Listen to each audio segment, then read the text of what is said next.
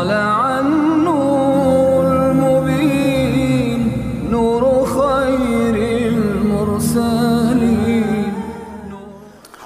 Pertama dan kedua adalah tunduk kepadanya dengan qanaah. Qanaah itu merasa puas dan mendengarkan serta menaati dengan baik. Temani saya duduk ya? Iya. Buatin saya ini ya? Iya. Coba ibu-ibu jangan pernah bilang tidak selama bukan haram. Iya, baik. Saya pengen makan ini. Bisa buatin? Insya Allah saya coba. Iya. Coba aja. Subhanallah itu melunakkan sekali hati laki-laki. Kalau laki-laki itu normal, ibu-ibu sekalian, selama ibu lembut, responnya lembut. Memang sudah begitu. Dan saya sudah bilang, jangan hadapi laki-laki seperti dia menghadapi laki-laki. Ya. Kalau intonasi istri tinggi, suami itu laki-laki sudah diciptakan memang untuk itu, menghadapi suara ribut di luar rumah, bisingnya jalanan, ya, nagih utang, panasnya matahari, dinginnya air hujan, biasa ya, antar jenazah, jihad, cari nafkah. Alam kita laki-laki. Ibu-ibu alamnya di rumah. Pakai alam rumah itu tenangkan jiwanya dia. Jangan pakai cara jalanan nih. Kalau ibu angkat suara, maka dia lebih keras. Ibu pecahkan satu piring, dia satu rak. Ibu tendang pintu, dia bisa rubuhin pintu. Jangan. Tidak usah hadapi dengan cara itu salah. Percuma. Gitu kan? Subhanallah laki-laki fitrahnya begitu. Jangan ditentang. Ini wasiat ibu kepada anaknya. Dia tahu pengalaman dia. Yang pertama sama kedua, tunduk kepadanya. Dengan kana'ah. Saya cuma bisa kasih ini ya, baiklah. Saya pribadi, saya nggak tahu teman-teman sini, tapi kalau saya berikan nafkah misalnya istri saya, kemudian dia bilang terima kasih ya. Yang ada dalam jiwa saya, masya Allah ya, dia terima kasih. Apalagi yang saya bisa kasih yang terbaik nih, karena dia berterima kasih, dia kana'ah. Tapi kalau dikasih amplop, ini uang bulanan. Ah, berapa ini? Bisa beli apa ini? Kira-kira apa yang muncul di benak laki-laki? Ini tidak tahu terima kasih. Bulan depan bilang saja gaji saya dipotong. Hmm. Itu apalah. Hmm. Itu karena merasa puas. Karena itu akan mendorong laki-laki supaya mau membawa lebih baik. Begitu memang menghadapi karakternya. Wasiat yang penting. Mendengarkan jadi yang pertama tundukkan kepadanya, tunduk kepadanya dengan kana. Yang kedua mendengarkan serta mentaati dengan baik. Lakukan semua. Yang ketiga dan yang keempat mencermati posisi mata dan hidungnya, penglihatan matanya dan hirupan hidungnya. Jadi yang dia lihat, yang dia suka, warna, penampilan, penataan, seperti yang suami suka. Saya pernah hadapi kasus rumah tangga, masih ada hubungan kerabat juga dengan kami. Suaminya orangnya baik sekali, Masya Allah. Saking baiknya dia selalu mau memberikan sesuatu yang terbaik di rumahnya. Tapi istrinya, entah dia dapat tangkap pola pikir dari mana. Bagi dia, harus suaminya melalui dia. Kalau dia setuju baru bisa, kalau enggak maka enggak bisa. Sampai orang yang mampu, kursi di rumahnya pakai kursi rotan yang biasa itu. Sebenarnya mampu. Dan itu kan kita boleh ganti dengan sofa misalnya kursi rotan yang kecil yang cuma bisa untuk dua orang dan tidak ada bantalnya juga. Kalau ada tamu datang kadang-kadang harus melantai, nggak ada karpet. Suaminya tawarkan beli karpet, saya beliin sofa, enggak nggak usah, mubazir untuk apa? Jadi dia terbiasa mungkin hidup sederhana sebelumnya.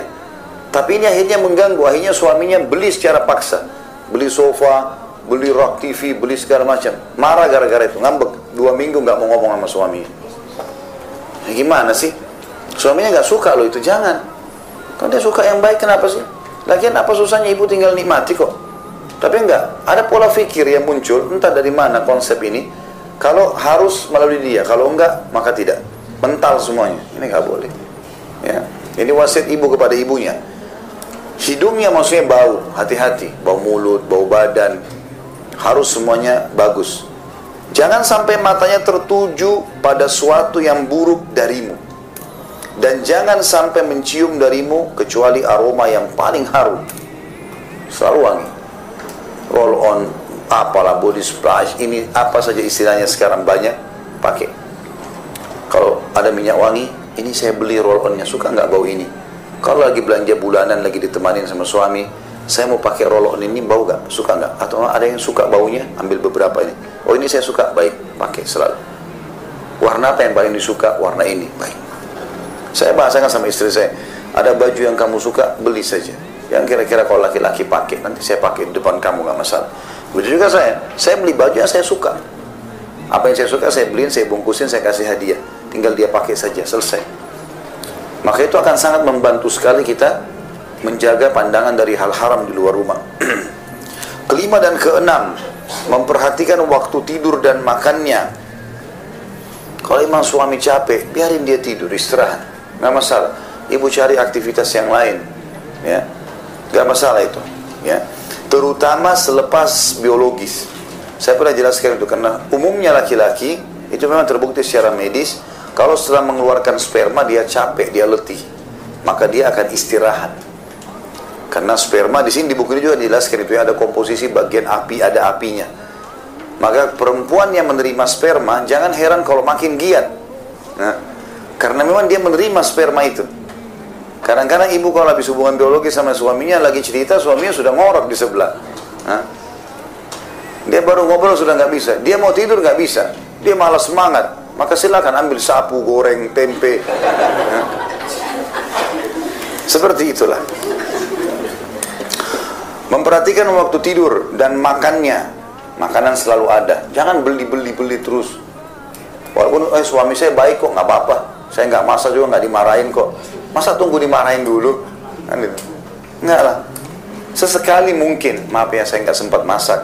Saya kalau pulang rumah ada makanan nggak ada. Saya beliin ya, beli aja nggak apa-apa. Bagi saya nggak. Tapi jangan tiap hari tentunya. ya. Saya ada waktu tertentu mungkin, tapi yang lain beda. Ya, bagaimana kita masak? Orang kalau ikhlas masak, maka insya Allah dari tangannya walaupun sebenarnya sama saya tempe goreng, ada banyak laki-laki tidak mau makan lagi makanan itu di luar karena dia sudah tahu buatan istrinya lebih enak. Kan bisa saya begitu. Karena rasa lapar yang berkepanjangan bisa mengobarkan amarah. Biasanya laki-laki mudah marah kalau biologisnya tidak terpenuhi atau perutnya lapar. Biasa emosional, ya, marah-marah dan sulit tidur dapat menyebabkan kemarahan juga. Kadang-kadang suami pulang kerja nih, capek sekali. Dia masuk kamar sudah tidur. Ibu masuk kamar mandi rencana mau dandan, keluar suaminya sudah tidur nih. Tidak usah kecewa. Sebelahnya saja. Elus dia, mungkin biarin dia istirahat. Insya Allah dia kalau dilembutin begitu, dia terbangun, oh ya maaf ya, saya tadi malam capek sekali. Oh nggak apa-apa. Biologisnya pagi pun tidak ada masalah. Toh tidak ke mana-mana gitu ya. Toh ada juga waktunya ya. Jadi jangan jadi jangan jadikan semua mas, jangan semua bisa dijadikan masalah oleh syaitan itu kadang-kadang syaitan buat putus apa e, merasa kurang perhatian atau apalah ya e, pada pasangan itu kan hal-hal sepele kadang-kadang mungkin karena sudah terlanjur dandan sudah terlanjur rapi mau mau berhubungan tapi ternyata belum terjadi nggak usah kecewa jangan mudah kecewa teman-teman sekalian lakukan di waktu lain masih bisa saya belum bisa, baik, waktu lain, nggak apa-apa. Gitu kan. Istri saya habis melahirkan, lalu dia bilang sama saya, maaf ya, saya belum bisa lah ini benar. Nggak apa-apa. Kapan bisa? Tapi penyampaian itu santun, baik. Saya juga bisa menerimanya. Nggak ada sesuatu yang beban. Ya. Yang ketujuh dan yang kedelapan, menjaga harta. Jangan pernah suami merasa dia ditipu. Ibu-ibu usahakan sampaikan apa adanya. Ini uang 10 juta bulanan, ini loh uangnya. Saya kesinikan, saya kesinikan. Ada lebih ini. Saya apakan nih uang? Halal nggak buat saya? Oh ya, enggak apa-apa buat tabungan kamu ya sudah. Itu sensitif sekali. Kehormatan, nama baiknya. Jangan pernah ibu ceritakan keburukan suami. Tapi ceritakan positifnya.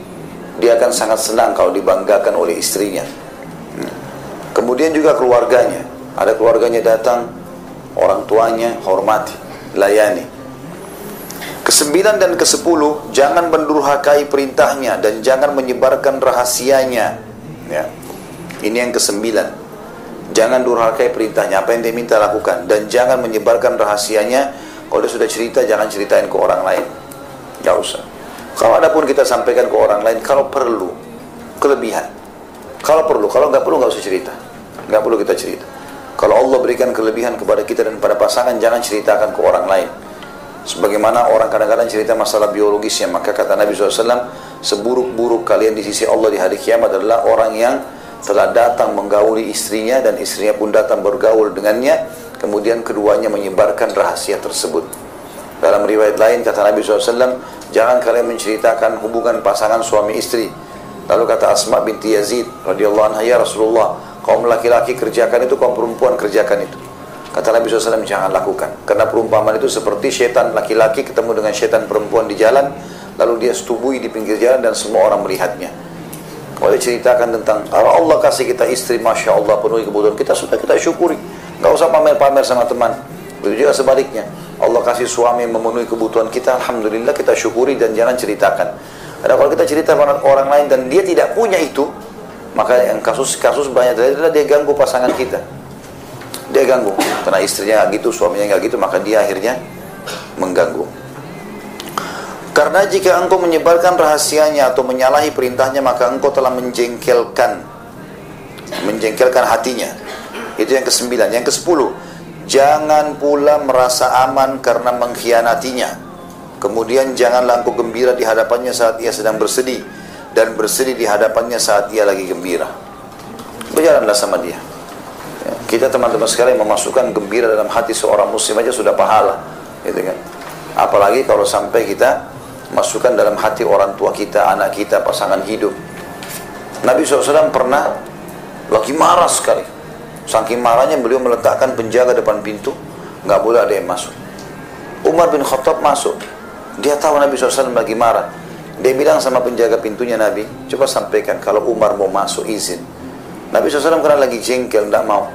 Ya Rasulullah, ada Umar depan pintu. Nabi nggak jawab. Dua kali, ya Rasulullah, Umar depan pintu. Nabi nggak jawab. Tiga kali, Nabi nggak jawab. Orang ini keluar, ya Umar. Rasulullah tidak jawab sampai tiga kali. Umar muter-muter, datang lagi kembali. Bilang, coba Umar minta izin. Sekali diizinkan, Nabi diam. Dua kali, diam. Tiga kali, diam. Sampai Nabi Umar pergi lagi. Yang ketiga kali Umar datang, izin lagi. Satu kali tidak tolak. Dua kali. Yang ketiga kali baru Nabi SAW terima. Karena Nabi lagi nggak nyaman untuk di, ada tamu, tapi Umar tetap ngotot. Ya. Begitu masuk, Umar bin Khattab lihat memang Nabi SAW kayak lagi dalam keadaan tidak nyaman gitu. Dan kebetulan waktu itu memang Nabi SAW lagi ada masalah dengan para ummahatil mukminin karena rupanya mereka minta dinaikkan nafkah. Dan yang jadi motornya ini Hafsah. Ya, anaknya Umar bin Khattab.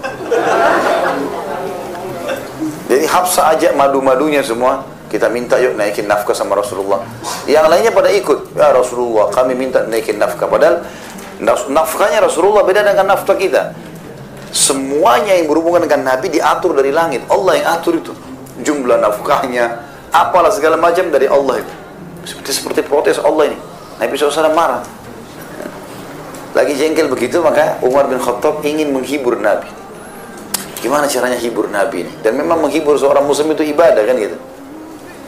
Maka Umar bilang, ya Rasulullah, dulu waktu kami masih di Mekah, kami tegas dengan wanita-wanita kami. Tidak ada wanita bisa mengangkat suara depan kami. Jadi laki-laki betul-betul wibawa. Waktu kami tiba di Madinah hijrah, kami temukan masyarakat Madinah justru istri mereka yang mengatur mereka. Maka istri-istri kami bergaul dengan istri mereka, menjadilah mereka seperti mereka. Ya. Jadi maksudnya sekarang malah istri kami bukan lagi patuh. Ada sedikit dia mau saya mau sampaikan ya Rasulullah. Kemungkinan istri-istri anda terpengaruh dengan wanita Ansar di Madinah. Ya, sudah berubah bukan lagi kayak masyarakat Mekah. Nabi SAW melihat itu akhirnya mengangkat kepalanya senyum dengan Umar. Ini maksudnya kan rasa gembira. Maksudnya apa teman-teman sekalian? Kalau orang lagi sedih kita hibur. Ya, kalau orang lagi gembira kita jangan sedih. Apalagi dengan pasangan. Masukkan kegembiraan dalam hati muslim. Apalagi ini pasangan hidup.